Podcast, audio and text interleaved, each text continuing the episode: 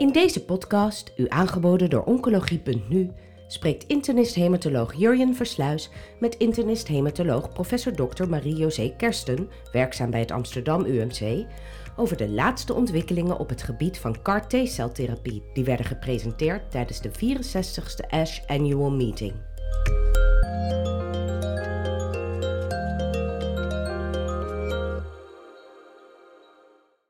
Nou, Marie-José Kersten, welkom bij deze podcast over de hoogtepunten op gebied van lymfomen en dan vooral CAR-T-celtherapie van ASH 2022 in uh, New Orleans.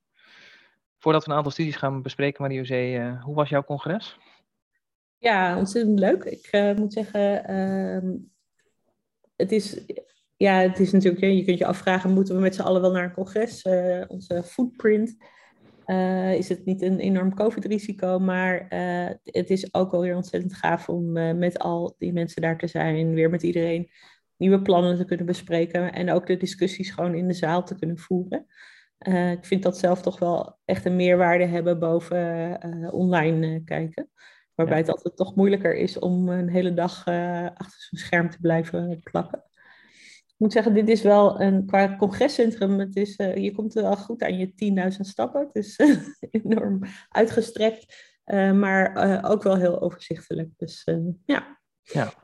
Nou, jij gaf ook een. Ik heb even voetbal gekeken, dus dat. Precies, dat, dat hadden ze goed geregeld bij deze ja. Ash. met, met mooie schermen buiten. Het Nederlands ja. resultaat was teleurstellend, maar uh, daar gaan we het niet over hebben. Was toch even spannend, toch? Zeker. Ja. Zeg, jij gaf een presentatie over um, de O van 110. Uh, oral uh, presentatie en denk ik ook discussie in de zaal. die studie was, gaat over folliculair lymfoom um, en onderzoekt er rituximab lenalidomide versus rituximab lenalidomide bendamustine. Kan je iets meer vertellen over wat jullie hebben onderzocht en gevonden? Ja, dus het is een studie bij, uh, wat je zegt, patiënten met recidief uh, folliculair lymfoom. En ehm, na, zeg maar, één of meerdere lijnen therapie. dat was een studie die we in Nederland hebben gedaan, waar ook Duitsland en de UK aan hebben meegedaan. Veel centra in Nederland ook. Jammer genoeg includeerde die niet erg snel. Dat, dat is ook de reden dat die studie wel voortijdig hebben moeten sluiten. En, maar goed, uiteindelijk hebben we, dat is wel bijzonder, 110 patiënten in de hoofd van 110 geïncludeerd. Ja. Maar we hadden er eigenlijk voor het fase 2 gedeelte uh, 150 willen hebben. Dus we hebben eerst een fase 1 gedeelte gedaan om te kijken of die combinatie lenalidomide, rituximab, bendamustine veilig is. en op de basis daarvan de fase 2 dosis vastgesteld. En dat kon met de volle dosis van beide middelen. Uh, en vervolgens dus een fase 2 studie gedaan, waarbij in principe, omdat het gerandomiseerd fase 2 is, die armen niet met elkaar werden vergeleken, maar echt el elk afzonderlijk werden beoordeeld op effectiviteit. En dan was het voor fase 2 uh, of het complete responspercentage en de toxiciteit. Nou, dan is het natuurlijk lastig, uh, want uh, we hebben natuurlijk niet helemaal de power zeg maar, kunnen bereiken, omdat de studie voortijdig was gestopt. Uh, en, maar goed, we hebben er denk ik toch wel een aantal interessante bevindingen gedaan. Dat is misschien ook de reden dat het een oral is geworden. namelijk dat je ziet dat je op zich op basis van de CT-scan eigenlijk niet zoveel complete responsen ziet. Maar als je een PET-CT doet, die we ook centraal gereviewd hebben, dat dat percentage complete responsen in beide armen zo ongeveer rond de 60% uh, lag.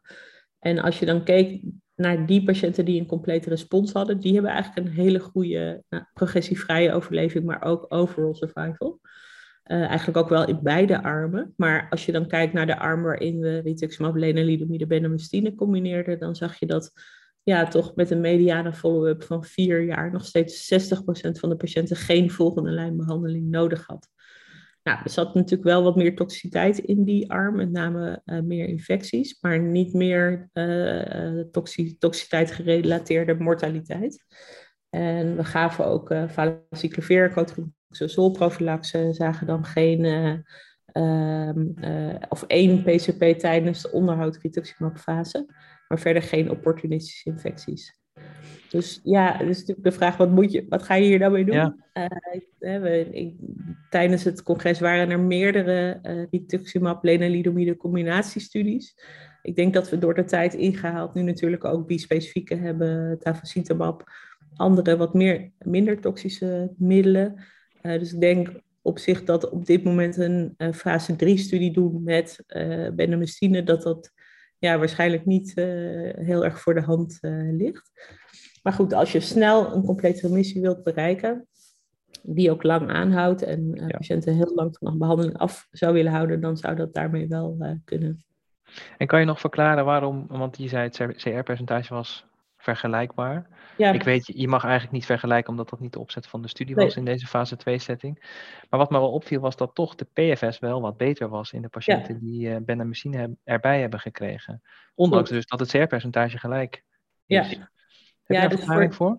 Ja, voor deel zal dat dan toch wel zo zijn dat je toch blijkbaar een diepere respons uh, hebt. Uh, we hebben natuurlijk geen celvrij DNA of, uh, of dat soort misschien nog wat meer sensitieve ehm, parameters meegenomen.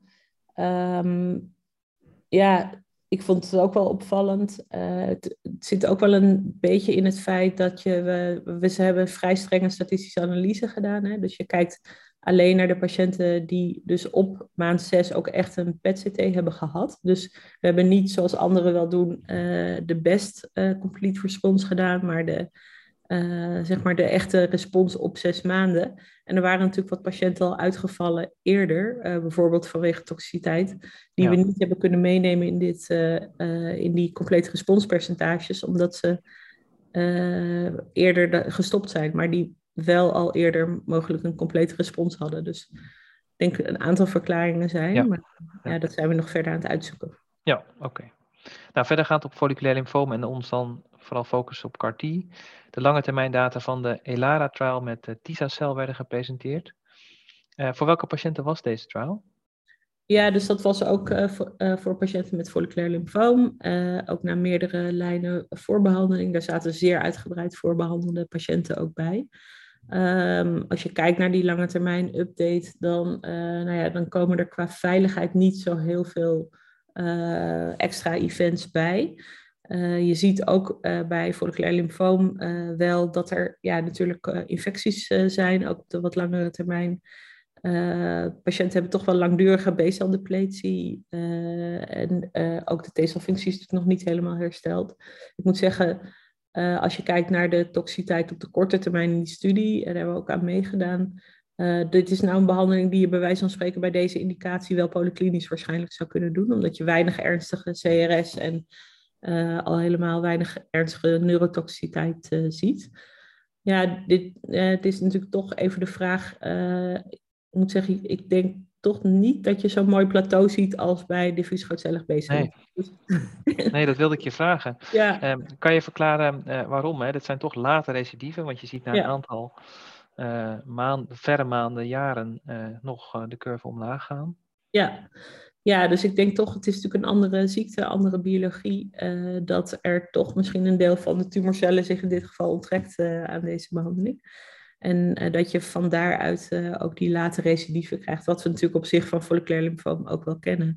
Dus ik denk uh, agressief lymfoom, nou ja, daar is met meerdere behandelingen wel duidelijk van. Als je na twee jaar, binnen twee jaar geen recidief hebt, dat die patiënten over het algemeen gecureerd zijn. En dat geldt voor folliculair lymfoom en denk ik mogelijk ook voor mantelcellymfoom. Uh, toch minder. Dus uh, ja. ja. ik denk hier moeten we ook de langere follow-up zien om te kijken hoe dat gaat. Er zijn van het TISA-cel, uh, wat in UPenn is ontwikkeld, wel wat data, maar dat is maar een kleine groep patiënten van een eerdere studie van Steven Schuster. waarin je wel zag dat nou ja, met vijf, zes jaar follow-up 40% van de patiënten nog in complete remissie was. Okay. dus ja, mogelijk dat er een, een, een klein percentage het wel voor geldt. Maar ja, voor de andere patiënten denk ik, is dit mogelijk toch niet uh, echt een curatieve optie. Nee, ze lieten in deze analyse ook wel duidelijk zien dat, dat er bepaalde hoogrisico-karakteristieken waren van patiënten die het duidelijk slechter um, doen, slechte uitkomsten hadden. En misschien moet juist voor die patiënten dan een andere interventie, ja. post-CAR-T bijvoorbeeld, bedacht worden. Ja, precies. En ja, dit is natuurlijk ook voor de lymfoom ook een uh, indicatie waarvoor we nu ook interessante resultaten van bispecifieke antistoffen gaan zien. Dus nou ja, uh, zelf zouden we natuurlijk het liefst een studie doen van bispecifieke antistoffen versus CAR-T. Ik denk dat dat heel uh, leuk zal zijn, maar het is moeilijk om daar ook farmaceutische bedrijven voor te interesseren. Ik denk dat dat wel heel interessant zou zijn. Nou, mochten ze luisteren, is dat een belangrijke uh, oproep, denk ik. Nou, dan uh, denk ik een, uh, een, ziekte waar uh, CAR-T een veel belangrijkere positie inmiddels al heeft. ook al in de dagelijkse praktijk, diffuus grootcellig B-cel lymfoom. Um, de primaire analyse van de Transform-studie werd gepresenteerd met Lysocel, waarbij 184 patiënten gerandomiseerd werden tussen CAR-T en standard of care. Bij patiënten die, als ik het goed heb, een snel recidief hadden eigenlijk een beetje een analogie van de studie die bij uh, Actiecel tot uh, registratie heeft geleid. Ja, klopt. Ja. Wat, wat waren de resultaten? Wat, wat was jouw uh, visie op die studie? Ja, dus het zijn patiënten die primair refractair zijn of inderdaad een recidief binnen een jaar na het afronden van AirChop. de Transform-studie, het, het, is wel interessant omdat het, het zijn natuurlijk drie gerandomiseerde studies gedaan in die setting. Transform, Belinda en Zuma 7. Uh, de Transform-studie was eigenlijk de kleinste studie van de drie, met maar 180 patiënten, ook bijna de helft, of ongeveer de helft van wat in de andere studies werd, uh, hoe noem je dat, gerandomiseerd. En desondanks is het een, een, positieve studie, heel duidelijk verschil in progressievrije overleving. de standaardarm doet het ongeveer even slecht als in de Zuma 7-studie. Uh, want we weten dat bij die patiënten met zo, die primair refractair zijn of een snel recidief hebben, dat de kans dat je dan met tweede chemotherapie in remissie komt en dus ook zelfs de kans dat je überhaupt die stamceltransplantatie krijgt, kunt krijgen, uh, klein is, hè, ongeveer 30 uh, procent. ja, een heel duidelijk verschil in progressievrije overleving, significant. overall survival volgens de statistische methode die ze gebruiken, op dit moment nog niet significant. Hoewel die curves wel duidelijk uit elkaar lopen. Ja. ja. Uh, dit, was de primaire analyse. Vorig jaar was al de interim-analyse gepresenteerd en gepubliceerd. Ja, als je kijkt dus naar Transform en Zuma 7, dan uh, denk ik dat dit wel echt een superieure behandeling is in de tweede lijn. Bij vroeg recidief of primaire refractair. Ja. ja. En zou je dan nog, um, het is altijd lastig om studies met elkaar te vergelijken, maar het valt mij op dat beide EFS-curves zo rond de 50% eindigen voor beide CAR-T-producten. Ja. Zou je dan nog iets, eh, zou je dan nog een voorkeur kunnen uitspreken tussen die twee? Zie je daar verschillen in? Nou, er zijn denk ik qua effectiviteit niet zoveel verschillen. Dus wat je zegt, die uh, responspercentages, EFS, PFS, uh, eh, duur van de respons, dat uh, is vrij vergelijkbaar. Dus wel een verschil qua toxiciteit. dus voor Lysocel, wat dus in de Transform is gebruikt, is een voor 1BB uh, CD19 CAR, met dus een ander co-stimulatoire domein, zie je toch wel minder ernstige CRS en ernstige, met name ernstige ICANS. Uh, dus ja, ik denk als je puur op basis daarvan zou kijken, dat uh, mogelijk lysocel toch wel minder toxisch is. En ja, op dit moment is er nog geen registratie of vergoeding voor lysocel in Nederland. Heeft ook wel een beetje te maken met het feit dat het productieproces nog, ja, zeg maar echt vertraging oploopt. Dus dat er nog, ja, nog te weinig productieslots zijn ook om het in Europa ook helemaal uit te rollen. Ja. dus op dit moment hebben we daar nog geen beschikbaarheid voor. Nee. dat is wel een belangrijk nadeel natuurlijk. Ja. Ook gewoon de praktische beschikbaarheid precies. En, ja, en ook de, de, snelheid waarmee je het product beschikbaar hebt. Hè. Dus we weten dat dat nu voor Excel is dat een heel betrouwbaar uh, proces met ook waarbij je duidelijk eh, weet wanneer je cellen binnenkomen. Ja. ja dat moet voor Lysocel nog uh, natuurlijk ook nog blijken. De Belinda-studie, de derde studie, liet eigenlijk geen verschil zien. Nou, daar kunnen we een hele podcast over vullen, over waarom dat, waarom ja. Maar er zijn wel meerdere redenen voor, ja, de design van de studie hè, en de, de patiëntinclusie. Maar laten we dat inderdaad nu uh, even parkeren. Uh, ik wil eigenlijk nog even doorgaan op um, actiecel, of ik hoor jou zeggen exicel. Um, uh, de, er werden natuurlijk een hoop, de Zuma 7 is bekend, gepubliceerd en er werden een hoop, denk ik, subanalyses van die Zuma 7 getoond. Um, en een van de opvallende studies die ik zag, vond ik het verschil in metabol tumorvolume. waarbij patiënten die een laag metabol tumorvolume hadden het beter deden dan de patiënten die een hoog tumorvolume hadden. Uh, en dat, dat, kwam bij mij, dat riep bij mij de vraag op, moet je die patiënten dan toch, ondanks dat ze heel chemorefractair zijn, toch iets van debulking, tumorreductie doen voordat je ze CAR-T geeft? Of is dat een gekke gedachte? Nee, dat is zeker geen gekke gedachte. Uh, als je uh, kijkt naar hoe de studie, zowel de Zuma 1 als de Zuma 7 studie waren opgezet, dan mocht je eigenlijk in die studies geen bridging therapie geven. Behalve dan steroïden. dus dus in de periode na verrezen, in de wachttijd tot, totdat de cellen er zijn, en dat duurt zeg maar drie tot vier weken, mocht je dus geen chemotherapie geven.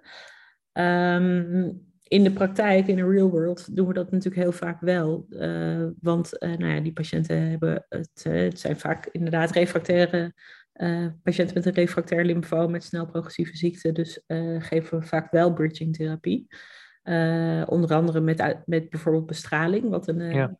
effectief kan zijn en relatief weinig toxisch.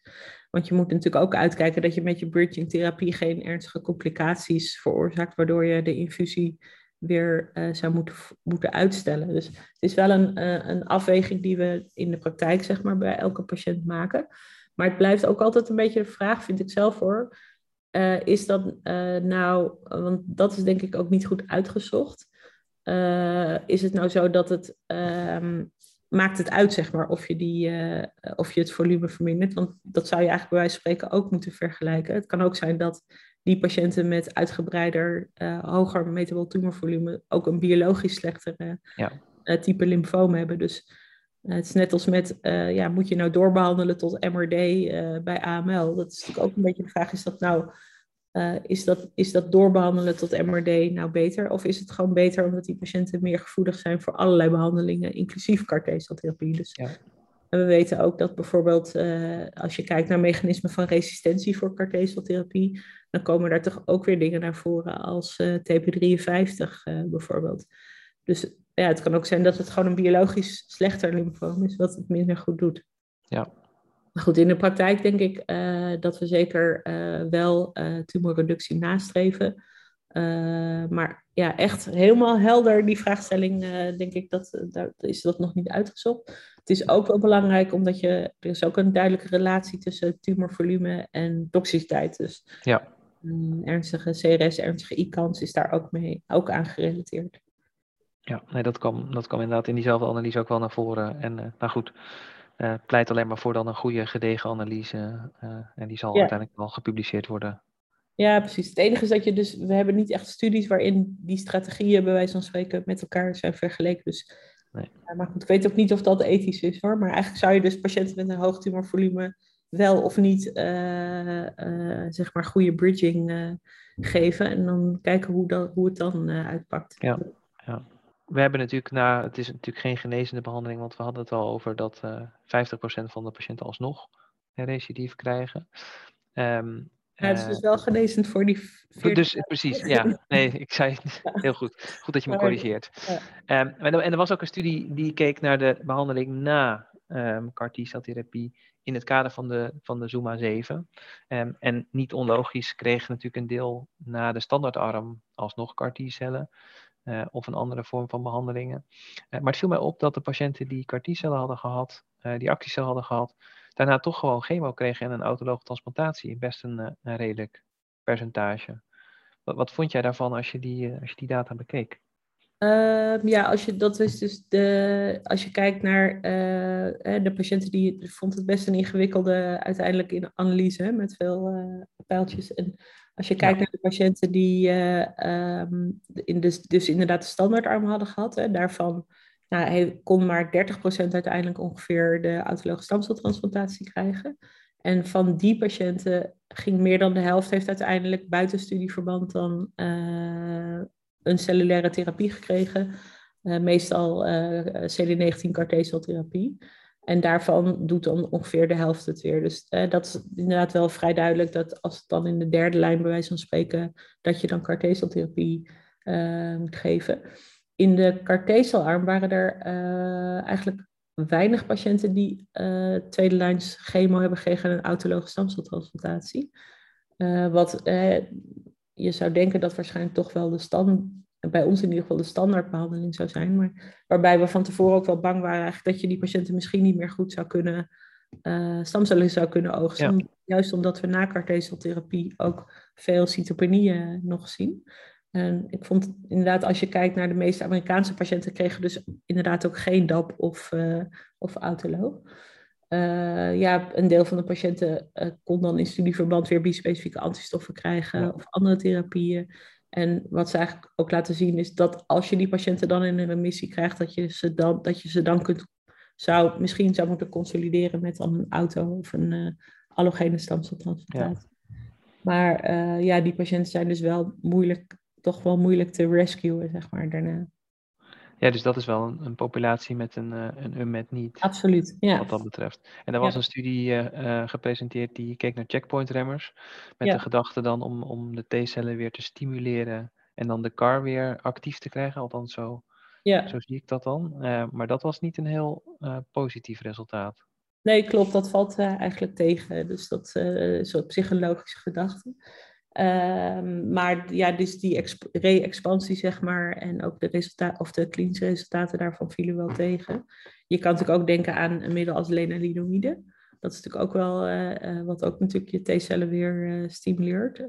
nou, daar is anecdotal evidence dat dat mogelijk dan werkt. Of inderdaad die specifieke antistoffen. Want dat zou denk ik ook een manier zijn waarop je die CAR-T-cellen uh, en ook je andere T-cellen toch weer richting de tumor uh, dirigeert. Ja. Nou ja, en, en, en dan samenvattend, um, er waren natuurlijk ook best wel wat studies die keken naar uh, vooraf, met de data vooraf, naar resistentie en welke patiënten het nou wel en niet goed zouden doen op CAR-T-cellen. Denk jij dat dat uiteindelijk de toekomst zal worden? Dat je gerichter van tevoren kijkt naar de kenmerken van de patiënt en de tumor van de patiënt, wie je CAR-T-celtherapie aanbiedt? Ja, ik denk dat dat wel uh, heel belangrijk is. En dan moeten we vervolgens natuurlijk ook wel bedenken wat we die patiënten die dat niet uh, kunnen krijgen, wat die dan, daar zit inderdaad in het niet. wat we nu in Nederland doen, is dat we hebben, we hebben twee keer per week een tumorboard waar we met alle centra bij elkaar, zeg maar, alle mogelijke kandidaten ook bespreken. En daar blijkt toch ook al wel dat daar een heel deel van de patiënten toch al op klinische gronden vaak afvalt omdat die zo snel progressief zijn dat je bij spreken het lymfoom hoort groeien. Ja. Met een enorm hoog LDH en we eigenlijk dan ook niet goede mogelijkheden zien om te bridgen.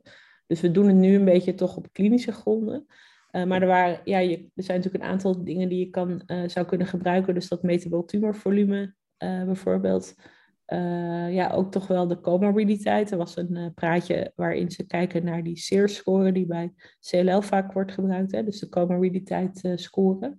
Nou, daar bleek dan dat als je bijvoorbeeld lever, nier, long en upper GI uh, comorbiditéiten had, dat die patiënten toch ook duidelijk slechter deden.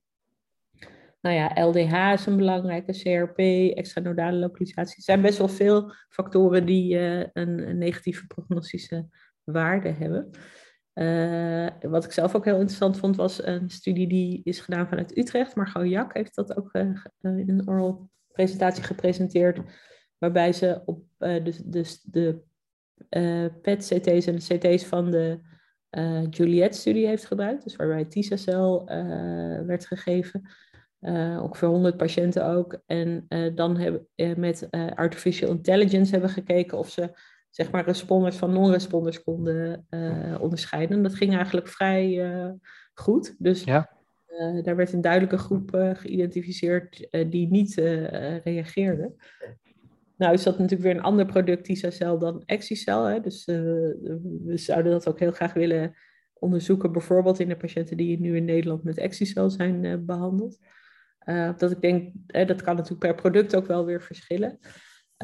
dus er zijn, ja, er zijn, en een heleboel uh, interessante ja. die we zouden kunnen onderzoeken, ook in de tumorbiop natuurlijk.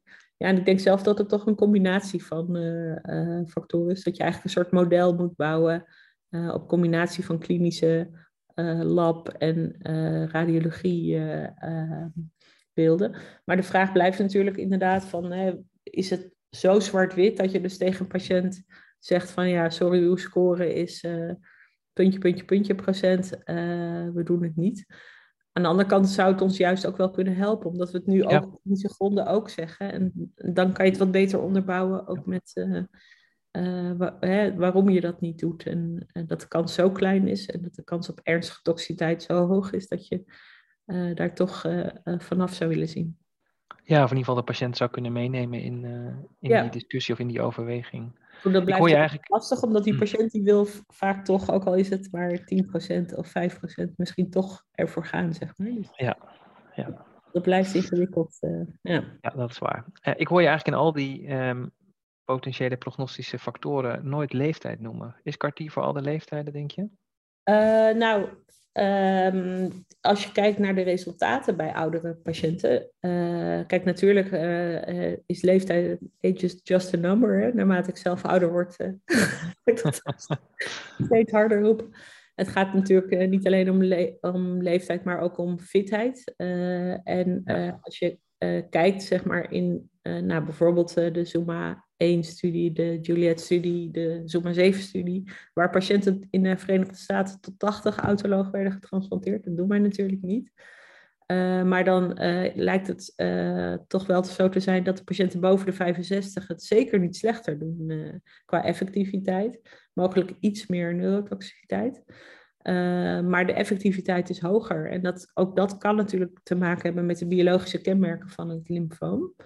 Dus op dit moment is er uh, geen harde uh, bovenste leeftijdsgrens, maar uh, kijken we wel natuurlijk boven de 65 jaar ook naar comorbiditeiten. Nou ja, denk je dat een patiënt een paar dagen IC aan zou kunnen? Ja. Is er een neurologische schade? Wat wil, wat wil de patiënt? Maar ja, ik denk niet dat er een bovenste leeftijdsgrens is, hoewel je natuurlijk moet afvragen, maar dat is natuurlijk ook weer iets, hè, moeten we dat in de spreekkamer beslissen? Of je een patiënt boven de 80 heb je natuurlijk minder uh, nou ja, zeg maar qualies uh, te verwachten dan een patiënt van uh, eh, 20. Dus ja, hoe, hoe gaan we daar dan? Zeker bij dure therapie is dat natuurlijk bij dure Ja, maar goed, ik vind ook dat dat is een meer maatschappelijke discussie. Ja. Er was één prospectieve studie, de Alicante-studie, die werd, sorry, werd gepresenteerd door uh, Roche de Franse groep heeft een fase 2-studie gedaan met Exicel bij oudere patiënten die niet voor stamceltransplantatie in aanmerking kwamen. Daar waren de resultaten eigenlijk ook met nog korter follow-up uh, goed van. Ja, ja oké, mooi. Ik wil nog één ander onderwerp aanstippen uh, binnen diffuus grootcellig. Uh, patiënten namelijk met een CZS-lokalisatie, primair dan wel secundair, die werden initieel natuurlijk geëxcludeerd uit alle CAR studies hoe staat het veld daar nu in? Zijn daar nog nieuwe data in? Uh, ja, dus uh, nog steeds wel vrij beperkt hoor. Maar er uh, waren al wel wat kleine case series van patiënten met zowel primair CSS-lymfoom als secundair lokalisatie bij een systemisch lymfoom. Ehm, ja, zeg maar case series van vijf tot tien patiënten. waarbij dan toch ook het responspercentage ongeveer hetzelfde is als bij de niet-CZS-lokalisaties. En de toxiciteit ook niet heel veel uh, erger. Zou natuurlijk bang kunnen zijn voor ernstige CZS-toxiciteit. Maar dat leek op zich wel mee te vallen. Nu was er ook een prospectieve studie, uh, Karen Jacobson, gepresenteerd. maar dat waren ook nog maar 9 of 10 patiënten. maar ook daar toch meer dan 50% complete remissies. en ja, niet heel veel meer toxiciteit. Dus in Nederland hebben we nu afgesproken dat we uh, secundair CSS-lymfoom, uh, eh, als die patiënten niet heel ernstig neurologisch uh, aangedaan zijn, dat we die patiënten wel um, ook behandelen en dan ook kijken hoe, hoe, de resultaten daarvan natuurlijk zijn. Primair CSS-lymfoom is geen registratie voor, dus dat kunnen we helaas niet doen. Nee, oké. Nou zijn er um, uh, in de laatste minuten van deze podcast uh, ook uh, een aantal nieuwe CAR-T-producten ook gepresenteerd in kleine series van patiënten. zitten daar nog nieuwe kits on the blok bij waarvan je veel verwacht? Ja, ik denk als je kijkt waar gaat het veld naartoe, dan is het natuurlijk enerzijds nieuwe targets of dual cars met twee antigenen die getarget worden. Ehm, maar ook point-of-care productie. Ja. Daar even reclame maken voor de HOVA 161-studie die uh, nu net open is, waarbij we rechtstreeks vergelijken, ook een best een dappere studie, uh, commerciële CAR-T-cellen versus point-of-care uh, geproduceerde CAR-T-cellen. Tom van Meerten is daar de PI van. ja, waarbij we natuurlijk kijken naar effectiviteit en toxiciteit. En ja, uiteindelijk hopen dat dat ook tot, leidt tot een product wat minder kostbaar is. Um, we hebben uh, nu zelf ook een studie open, die gaat ook in Rotterdam en uh, Leiden open met, is de Atalanta 1-studie, waarbij we ook op het stamcellab zelf uh, maken met een heel snel productieproces. Dus je vereert de patiënt en je begint de volgende dag met je lymfodepleterende chemotherapie en binnen een week heb je de cellen terug. Nou, daar uh, hadden we nu uh, de eerste resultaten van. En dan zie je toch ook bijna alle patiënten, um, met, dat zijn dan patiënten met mantelcellymfoom, diffuus grootcellig of folliculair, een complete remissie, maar met nog korte follow-up. En dat is nog fase 1 dosisescalatie. Dus ja, ik denk dat dat zeker, dat daar zeker, ja, je, je hoopt daarmee, en dat lijkt ook wel zo te zijn, minder uitgedifferentieerde en minder exhausted T-cellen uh, te infunderen, waardoor die patiënten langer, uh, mogelijk langer persisteren, langer actief uh, blijven, minder snel uitgeput zijn. En je bedoelt dat dat komt omdat de weg um, tussen patiënt en weer terug in patiënt, patiënt naar patiënt, zeg maar, korter is. Daardoor zijn ze. Ja, maar vooral ook tijdens het productieproces. Dus hoe langer je ja. ze kweekt, hoe meer terminally differentiated ja.